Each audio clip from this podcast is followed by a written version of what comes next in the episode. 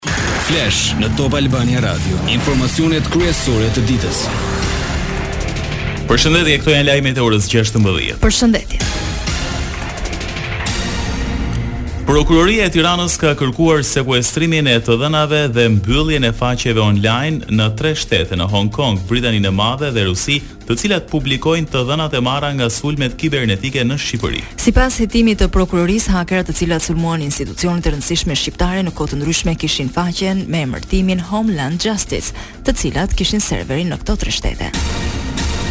Prokuroria thekson se ditët në vijim dhe aktualisht nga këto faqe si dhe nga llogaritë nga aplikacionet e komunikimeve në internet si Telegram e të tjerë Po postohen dokumente të Policisë së Shtetit të cilat përbëjnë sekret hetimor. Objekti i hetimit të prokurorisë është sulmi kibernetik ndaj institucionit shtetëror të AKSHI-t që përmbledh të gjitha faqet zyrtare qeveritare në vend dhe sulmi në pajisjet dhe sistemet që administrohen dhe menaxhohen nga Ministria e Brendshme në Shqipëri.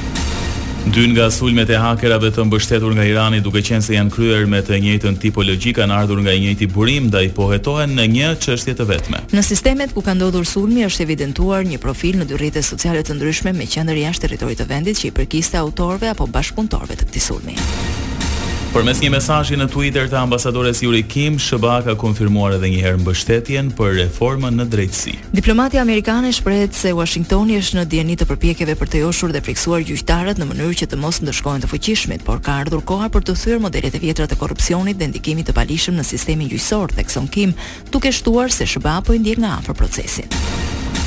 Në Elbasan u protestua kundër rritjes së çmimit të karburanteve. Në shenjë proteste është bllokuar bulevardi Aqif Pasha, ndërsa protestuesit fikën automjetet e tyre. Kanë qenë shumë qytetarë që janë bashkuar protestës së thirrur nga Partia Demokratike përpos uljes së çmimeve të karburanteve, U kërkua dhe marrja e masave për uljen e çmimeve të ushqimeve.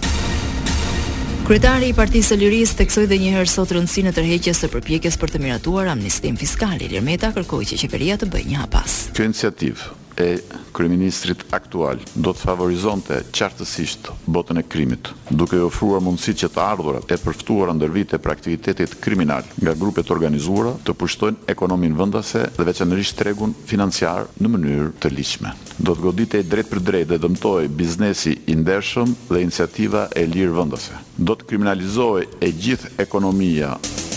Meta theksoi se ky ligj synon të fusë në sistemin bankar dhe të ligjërojë qindra miliona euro evazion nga kompani në shërbim të qeverisë. Ish-gjyqtarja e Krujës, Enkelejda Hoxha është dënuar përfundimisht me tre vite burg, nga të cilat do të kryejë dy për shkak të gjykimit të shkurtuar. Vendimi për dënimin e saj u konfirmua sot nga Apeli i GJKKO, i cili ka lënë në fuqi të gjitha dënimet e shkallës së parë. Hoxha është shpallur fajtore për korrupsion, pasi nga përgjimet doli se lironte të fortët nga qelia kundrejt pagesës. Avokati Aldo Tabaku, i cili luante rolin e sekserit, u dënua me katër vite burg. Mes të dënuarve janë dhe sekretarja e gjykatës Emanuela Malkuçe, dënuar me tre vite burg, nga të cilat do kryejë dy. Të gjithë të dënuarit tashmë janë në fund të vuajtjes së dënimeve, pasi janë në qeli prej shkurtit dy mijë e njëzet e një. Lajme nga rajoni. Vilat në pronësi të politikanëve kosovarë, biznesmenëve e qytetarëve të tjerë janë sekuestruar sot në Brezovicë. Masa ndaj rreth njëqind objekteve u bë me urdhër të Prokurorisë së Kosovës pas vlerësimit të raporteve nga Drejtoria për Hetimin e Krimeve të Rënda në Prishtinë, Agjencia Kadastrale e Kosovës dhe Agjencia për Mbrojtjen e Mjedisit Kosovë. Shkaku ishte ndërtimi në kundërshtim me ligjin për Parkun Kombëtar Sharri dhe planin hapësinor për këtë park. Sipas Prokurorisë së Kosovës, vilat janë ndërtuar duke keqpërdorur detyrën nga zyrtarë, tashmë nën akuzë për lejimin e ndërtimeve pa leje. Lajme nga bota. Rusia vazhdon fushatën më të fuqishme të bombardimeve që prej marsit në Ukrainë, deri tani flitet për dhjetëra viktima e qindra të plagosur. Më intensive bombardimet janë në Kiev, pranë Pallatit Presidencial, veprim i cili po interpretohet nga mediat perëndimore si një tentativë e mundshme e Moskës për të eliminuar Zelenskin. Në përputhje me doktrinën e saj bërthamore, Moska planifikon masa hakmarrëse vetëm për të parandaluar asgjësimin e Rusisë, kështu deklaroi sot ministri i Jashtëm rus Sergei Lavrov duke komentuar mundësinë e përdorimit të armëve bërthamore. Ai bëri thirrje Shteteve të Bashkuara që të mos fryhet artificialisht tema e kërcënimit bërthamor. Presidenti i Turqisë Recep Tayyip Erdogan do të takohet nesër me presidentin rus Putin në një samit rajonal në Astana të Kazakistanit. Turqia, që ka qëndruar neutrale përgjatë konfliktit në Ukrainë, ka raporte të mira me Rusinë, por edhe me Ukrainën. Recep Tayyip Erdogan ende nuk ka dënuar sulmet masive ajrore që goditën dje qytetet në mbarë Ukrainën, ku u vranë të paktën 20 persona dhe u plagosën mbi 100 të tjerë.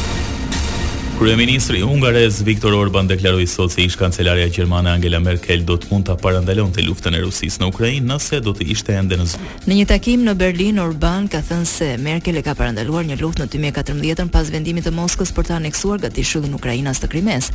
Ajo çfarë ka bërë Angela Merkel pas krizës së lidhur me Krimenë ka qenë fantastike, ka thënë ai.